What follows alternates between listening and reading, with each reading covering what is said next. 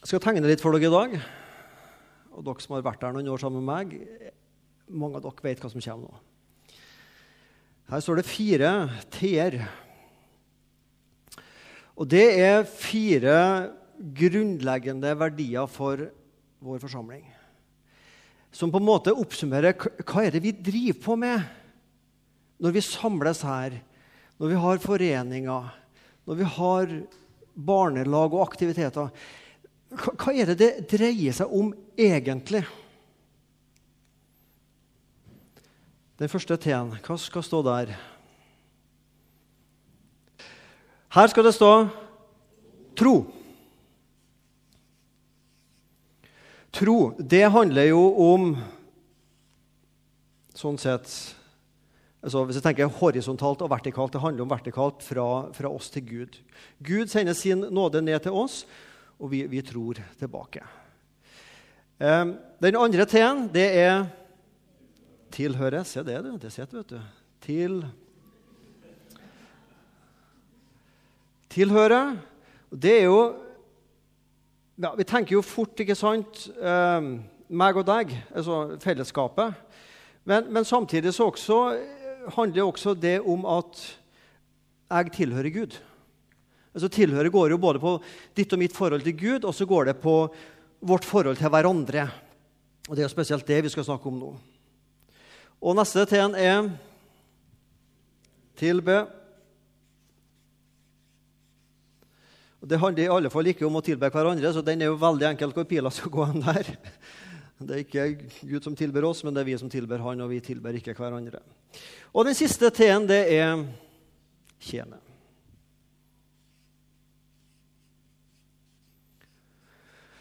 Og vi skal tjene Gud, og Gud vil at vi skal tjene Han ved å tjene hverandre. Så det er jo sånn sett ei pil sånn. Tro og tilhøre, tilbe og tjene. Eh, og som jeg sa, Gud sender sin nåde til oss, og vi tror tilbake. Og samtidig så deler vi troa med hverandre, forteller om troa. Vi skal ha vitnemøte etterpå. Deler troa. Og vi deler troa ut i hele verden, iallfall i en del av landene av verden. Misjon. Så Sånn sett så er det også på det horisontale plan. Tilhøre Gud. Gud vil tilhøre meg. Vi tilhører hverandre som et fellesskap. Tilbe.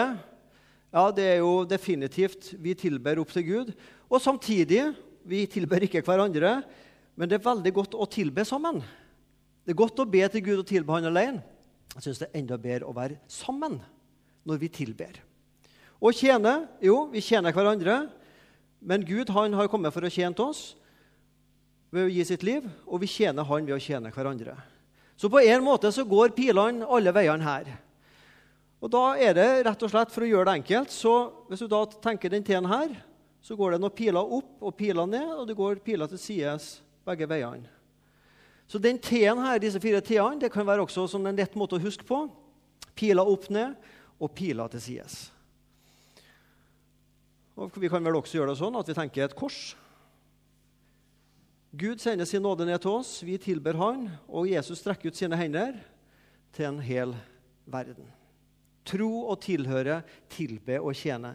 Det er det vi driver på med, sjøl om akkurat ordet verbet å drive kanskje ikke er det beste. men vi skal ikke drive rundt i livet på måfå, men vi skal drive på med det Gud vil vi skal gjøre. Og Det er å tro og tilhøre, tilbe, og det er å tjene. Og disse møtene nå, Vi starta sist søndag. Da var fokus på diakoni. og det er sikkert Alle var her da og hørte den talen av Arnfinn Røyland. Den bør dere høre. Den ligger på, på nettet på podkast-sida og på fellesmail. og alle disse tingene her altså hvordan han snakka om viktigheten av en misjonær som går på besøk for å treffe nye. Det at vi er en hverandre-menighet som er på besøk til hverandre. Og hvordan Jesus inviterte seg hjem til Sakkeus. Den teksten ble litt ny for meg sist, når han snakka om at Jesus var også opptatt av å gå på besøk, som f.eks. til Sakkeus. Så det var diakoni, en hverandre-menighet, der vi tar vare på hverandre. Så skal vi i dag bli litt bedre kjent med de første kristne som et godt forbilde for oss. Og så skal egentlig alle møtene fram til og med ut oktober ha dette stikkordet 'hverandre'. Og tilhøre hverandre. Da leser vi sammen teksten fra Apostlenes gjerninger, kapittel 2, vers 42-47.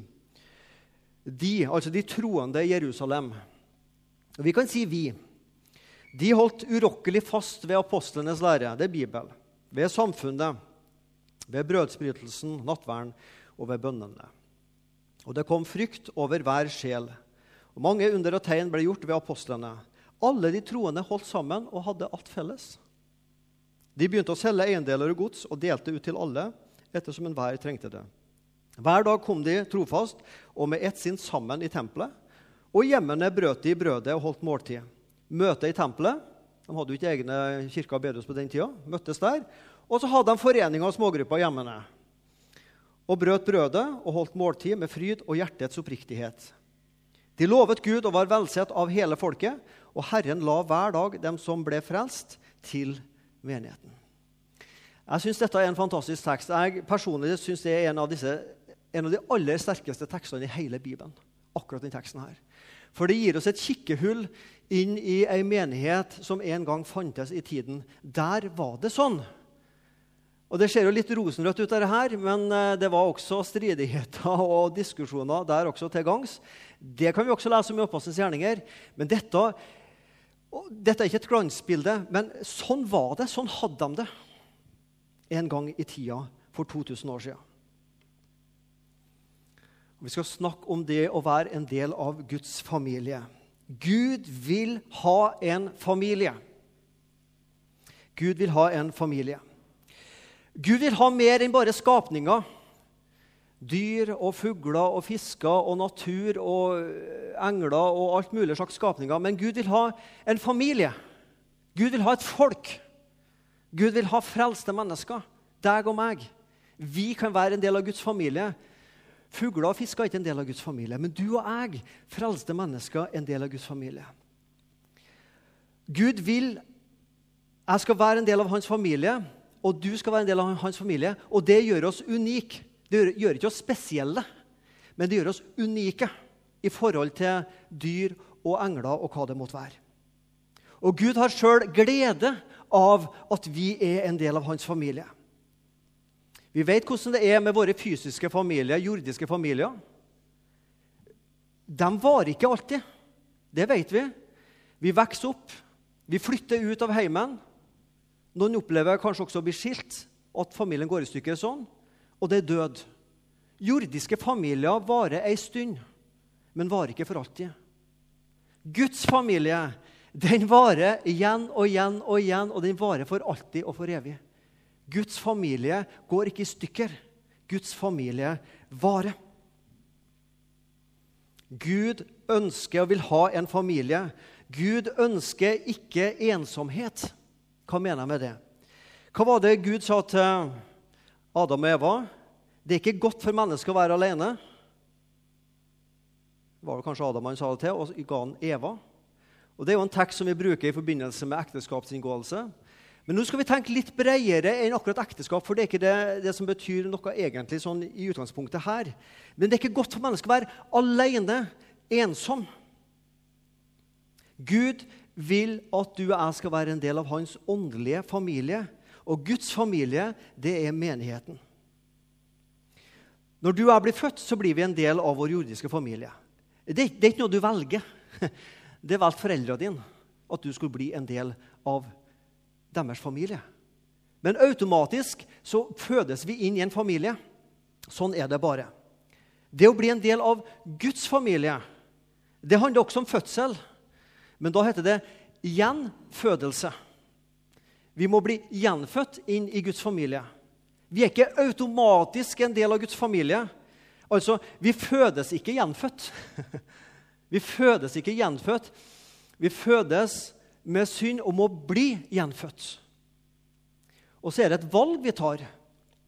Vi blir ikke automatisk å presses inn i Guds familie, men det er et valg vi tar, og vi blir gjenfødt. Å bli gjenfødt det handler om en ny start, det handler om å få tilgitt sin synd. Det handler om å få sletta ut det gamle, en ny start og et nytt liv. Gud vil ha en familie, Gud vil ha en menighet på jord som han kan si det er mine barn. Du og jeg er Guds barn. Gud ønsker ikke ensomhet, men at vi som er frelst, skal finne sammen i en familie, i en menighet. Og menigheter kan vi velge. Og Sandnes by er i en heldig situasjon. Både i Den norske kirke, i frimenigheter og i bedehuslandskapet for å si det på den måten, så er det mange gode menigheter å velge blant. Og så har akkurat du valgt her i Misjonssalen. Og det er vi glad for, men det fins også mange andre gode menigheter. Gud ønsker ikke ensomhet, men at vi skal være en del av Guds familie. Og vi skal gjenfødes inn i Guds familie. Det skjer ikke automatisk. Ved dåp og ved tro fødes vi inn i Guds familie. Så skal vi lese et vers fra 1. Timoteus 3,15. Og Der snakker Paulus til Timoteus om hvordan man bør ferdes i Guds hus. Og Så sier han noe om det. Og så sier han Guds hus, som er den levende Guds menighet, sannhetens støtte og grunnvoll. Jeg syns det ordet der er litt rart. Altså, Det Paulus sier til Timoteus, at menigheten er sannhetens støtte og grunnvoll. Og På en måte så kolliderer det litt i mitt uh, hode og sikkert hos deg også. fordi Det er jo nåden, det er jo Kristus som er grunnvollen, og ingen annen grunnvoll kan legges enn Kristus. Og Det mener jo selvfølgelig også Paulus. Det er jo han vi har lært av. Men så sier Paulus at også menigheten er sannhetens støtte og grunnvoll. Hva er det Paulus er ute etter? Kirka, menigheter, forsamlinger, bruk det navnet du vil. Guds folk, Guds menighet på jord. Er ingen institusjon, er ingen organisasjon, er ingen sosial klubb. Kirka er Guds familie. Og Det handler ikke om regler og ritualer reguleringer og religion. Men det handler om relasjon. Fikk du med disse r-ene? Så fort at vi gjør menigheten til regler og ritualer og ulike reguleringer og på en måte en religion Men det handler om relasjon. Å tilhøre Gud. Og når vi tilhører Gud, og Han tilhører oss, i nåden i Kristus, så tilhører vi hverandre. Relasjon til Kristus og til hverandre. Et kjærlighetsforhold til Jesus Kristus.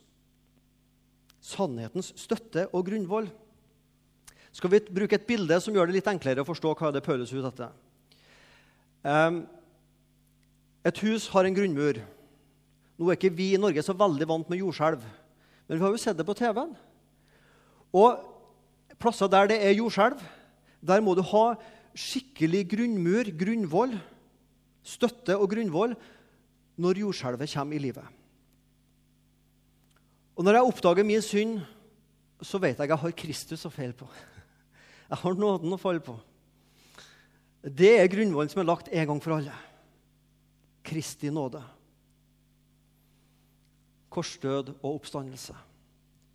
Og så sier Paulus, ikke som et tillegg til nåden, men han sier Guds menighet skal også være en sånn sannhetens støtte og grunnvoll.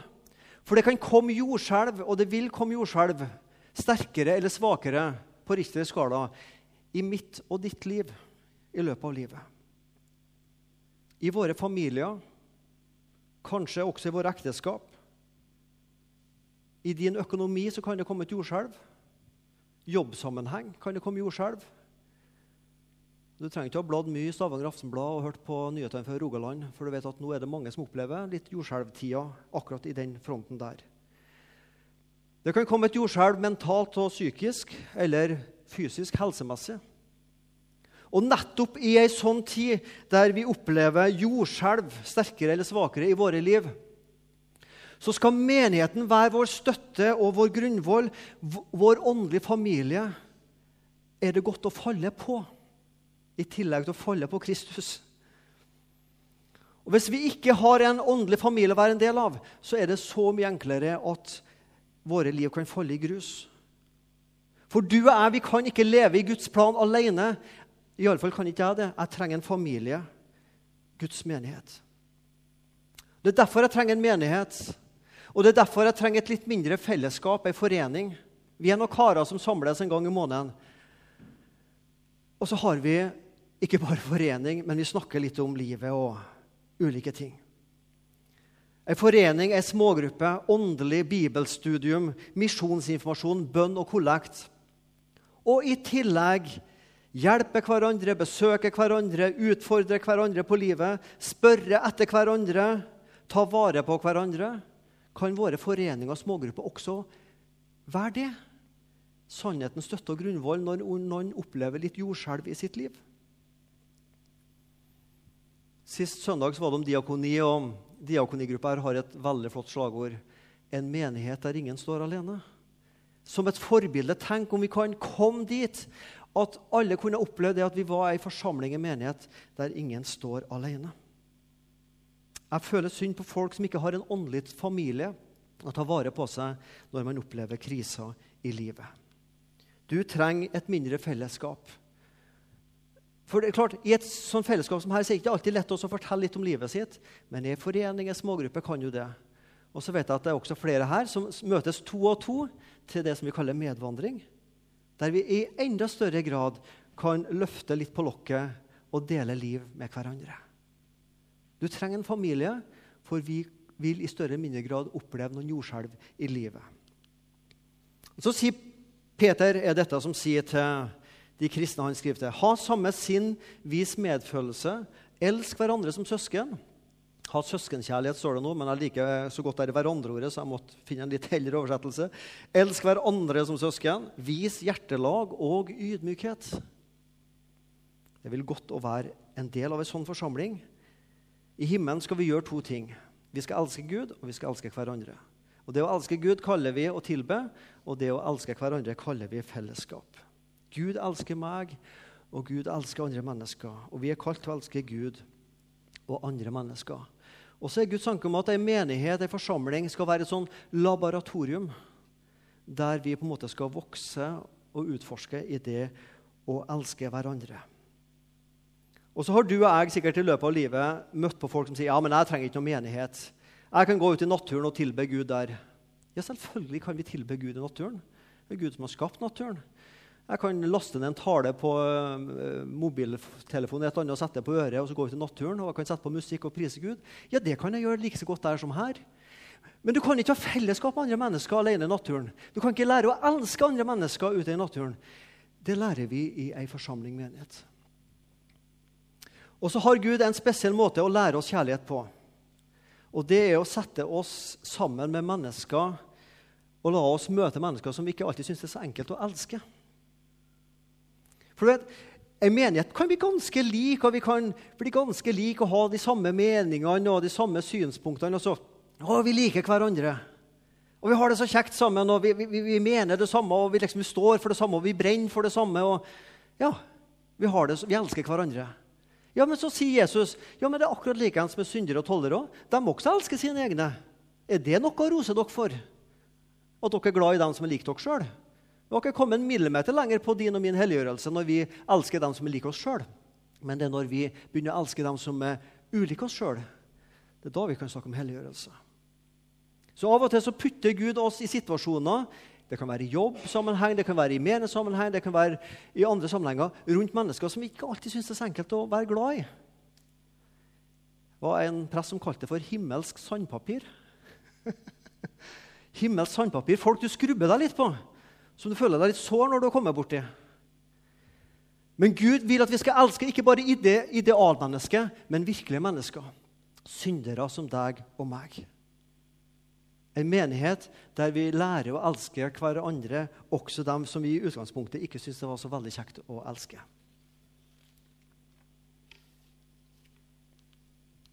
Skal vi lese teksten en gang til? Skal vi nå tenke 2000 år tilbake i tid. Og så skal vi møte en ungdom som fikk et møte med denne teksten som forandra hans sitt liv. Altså Dette er et kikkehull 2000 år tilbake i tid. De første kristne som holdt urokkelig fast på Bibelen. Det var jo Gammeltestamentet den gangen, og apostlenes muntlige lære som ble nedskrevet i Nytestamentet. Fellesskapet, samfunnet, eh, brødsbrytelsen og bønnene. De fire bene. Det kom frykt over hver sjel. Guds frykt. Og Mange under og tegn ble gjort av apostlene. Alle de troende holdt sammen. De hadde alt felles. Hm. En kirkefader skriver til, til, noen, og så skriver han at de kristne de har alt felles unntatt sine koner. De deler alt. Ektefellene sine deler dem ikke. Han sier det på en veldig flott måte. Man deler alt. Og deler ut et, til alle ettersom enhver trenger det. Hver dag, hver dag kom de trofast og med ett sinn sammen i tempelet. Og hjemmene hadde de forening og smågruppe og bibelgruppe og alt det her, og brøt brødet og holdt måltid med fryd og hjertets oppriktighet. I gamle oversettelser står det 'hjertets enfold'. Jeg vet ikke hva enfold betyr, men hjertets oppriktighet. De lovet Gud og var velsett blant hele folket, og Herren la hver dag dem som ble frelst, til menigheten. Vi lengter etter vekkelse, folkens. ikke sant? Tenk om det kunne blitt vekkelse igjen. Folk kunne blitt frelst. Og så Av og til så har man sånne vekkelseskampanjer, og det skal ikke jeg si noe galt om, for det synes jeg er veldig flott. Men denne menigheten her, de levde daglig i vekkelse. Hver dag, de som ble frelst til menigheten. Jeg har vært der i sju og et halvt år nå ca. Og det er 365 dager i året. 365 ganger 7,5 er lik ca. 2700 dager har jeg vært her.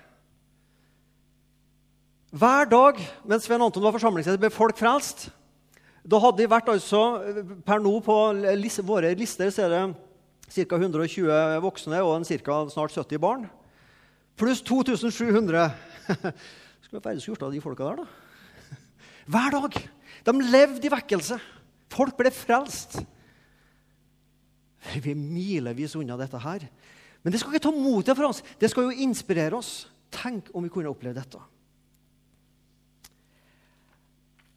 Jeg skal fortelle dere om en ungdom. og Dette er en god del år siden. Og Det skjedde ikke i Norge, det skjedde i USA. Det var en eh, ungdom som var ca. 20-25 år, en plass mellom der. Det betyr ikke så mye. Som hadde vokst opp i ei menighet. Veldig Ja. Han syntes ikke det skjedde noe i den menigheten, og han hadde egentlig bestemt seg for å forlate den kristne troa eh, da han flytta vekk for å skulle studere. Vokste opp i en bekjennende kristen heim, og flotte foreldre var ingenting galt med dem. Men, men, men, men alt det med troa, det ble, nei, det ble ikke. Og Så kom han til et studiested, og der måtte de også ha kristendomsundervisning. Og Der var det en professor i teologi eh, som hadde doktorgrad. Og så hadde han et sånn langt, innfløkt østeuropeisk etternavn, eh, så de kalte han bare B. Doktor B. Og I møte med doktor B så ble dette livet og troa til denne ungdommen forandra. Jeg skal lese nå litt fra en tale som denne ungdommen, som etter hvert nå er rundt 60 år, og har blitt pastor. Eh, en tale som han holdt for en del år siden. Og Han på en måte prøver å fortelle litt om sitt liv og sitt møte med denne bibelteksten fra apostelgjerningene 2. Han sier om den kirka han vokste opp i det var en død kirke. Den satt fast i følelsesløse tradisjoner. Den var låst fast i formaliteter og ritualer som verken ga mening for vanlige folk eller engasjerte noen. I løpet av de 20 årene jeg var i kirken, så jeg ingen voksne omvende seg eller bli døpt. Han var altså en, eh, medlem i en menighet med voksendåp. Så lenge jeg kunne se, fant ingen i løpet av disse årene troen for første gang i kirken. Når folk lå i strid med hverandre, satte de seg på hver side av møterommet, var sure og ble aldri forsonet. Det var lite åndelig vekst, det å bli lik Kristus. Det var ingen gavestrøm til de fattige. Ingen broer ble bygget til andre etniske grupper og raser. Få frimodige bønner ble bedt, og så langt jeg kan se, heller ingen av dem svart, besvart. En gang inviterte jeg en venn til kirken.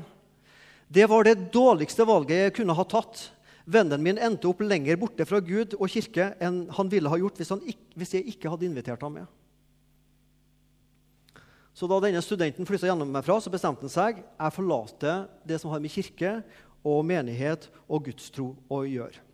Men Noen år senere satt han i et klasserom og hørte doktor B argumentere lidenskapelig for at ingenting er som skjønnheten, kraften og potensialet i den lokale kirken når den arbeider rett. Doktor B, forteller denne pastoren som nå har blitt 60 år. Doktor B leste fra apostelgjerningene kapittel 2, vers 42-47, og så sa han Det var en gang i tiden et fellesskap av troende som var så radikalt hengitte til Gud. Alt det Gud ba dem om å gjøre, det gjorde de. Alt det Gud ba dem om å stoppe å gjøre, det stoppet de med. Han utfordret hver enkelt ut på troens grenser, og de gikk dit for å se hvor Gud ville ta dem. Hvis det en gang i tiden fantes et slikt fellesskap av troende, så utviklet dette fellesskap et radikalt kjærlighetsfellesskap til hverandre, og de ble som en familie. De delte måltidene i hverandres hjem, og de stoppet med å late som. Ta på oss maska, altså. De delte livene sine på et dypt plan. De erfarte hva det vil si å kjenne og være kjent, å elske og være elsket, å tjene og bli tjent.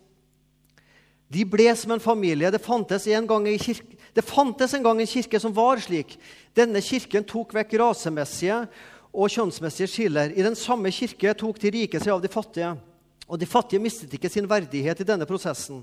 I den samme kirke ble modige bønner bedt og besvart, og Guds mektige hånd var over den, slik at folk ble vant til å rope ut et 'Å!' i frykt og undring.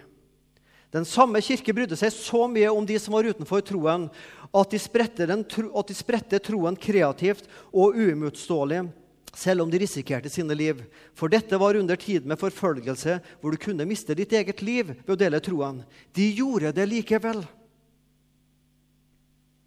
Dette sa denne doktor B om denne menigheten som for 2000 år siden levde i Jerusalem. Og Denne studenten som ble pastor, forteller at doktor B snakket om hva en kirke skulle, kunne og skulle være. Og Han avsluttet noen av sine timer med å si.: Fortell meg, studenter, svar meg på dette spørsmålet. Hvis en slik kirke eksisterte på vår planet i det første århundret etter Kristus, fortell meg hvorfor en slik kirke ikke kan eksistere i vår kultur i dag. Har Gud mistet sin innflytelse? Er Bibelen ikke lenger kraftfull? Har Den hellige ånd falt i søvn? Hvorfor kan ikke en slik kirke skje igjen i dag?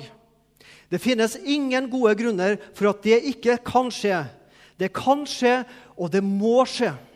Men, men Noen av dere studenter må forandre deres karriereplaner. Studenter, det trengs folk som dere for å bygge slike kirker. Og jeg ber dere sånn, jeg ber dere uten skam eller å unnskylde meg på noen måte. Sett alle an, dine andre planer til side. Gi deg selv til Gud og prøv å bygge slike ting som kalles bibelsk fungerende fellesskap. Når du kommer til slutten av ditt liv og ser deg tilbake, så vil du ikke angre.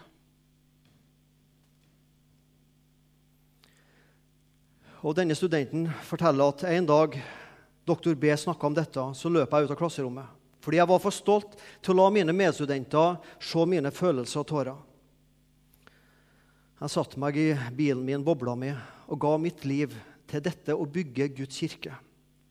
For doktor B hadde tegnet et bilde av en stor visjon som var så mye mer verdig å gi seg selv og mitt eneste liv til enn det jeg hadde tenkt å gi mitt liv til å følge i min fars businessfotspor.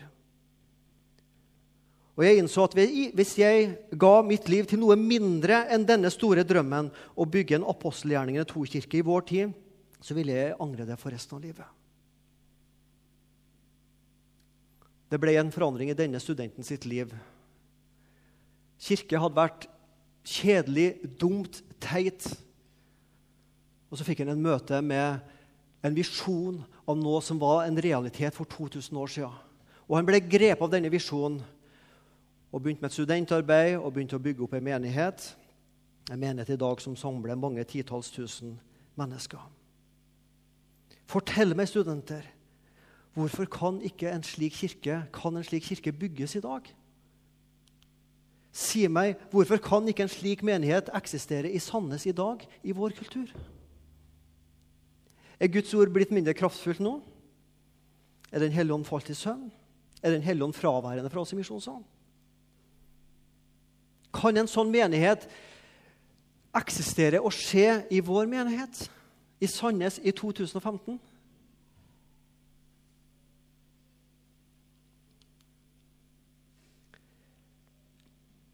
Jesus og meg og deg, verdens viktigste relasjon.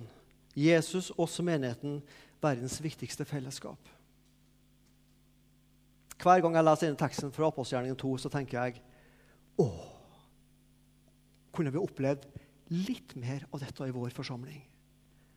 En menighet som når ut, Og en menighet som når innad med en kjærlighet til hverandre som var villig til å dele langt utover det du kan forvente av folk.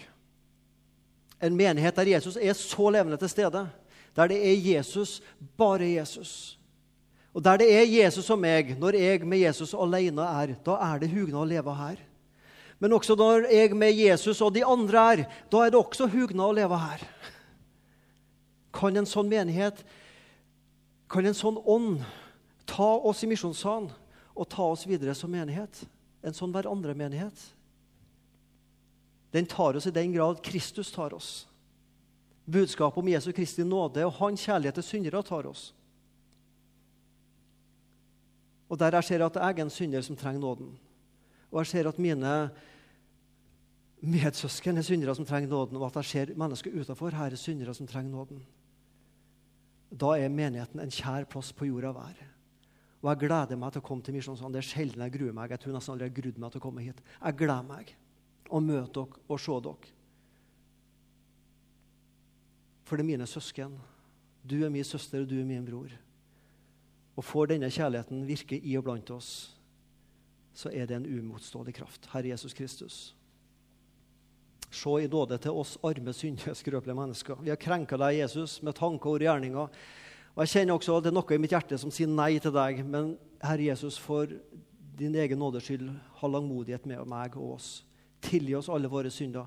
Gi oss å frykte og elske deg alene og elske vår neste Jesus. Vi skal ikke frykte vår neste, det skal vi frykte deg. Og elske deg, elske vår neste og Jesus, at vi må få denne ånden og gi oss til å være med å bygge en apostelgjerning, en tomenighet. Amen.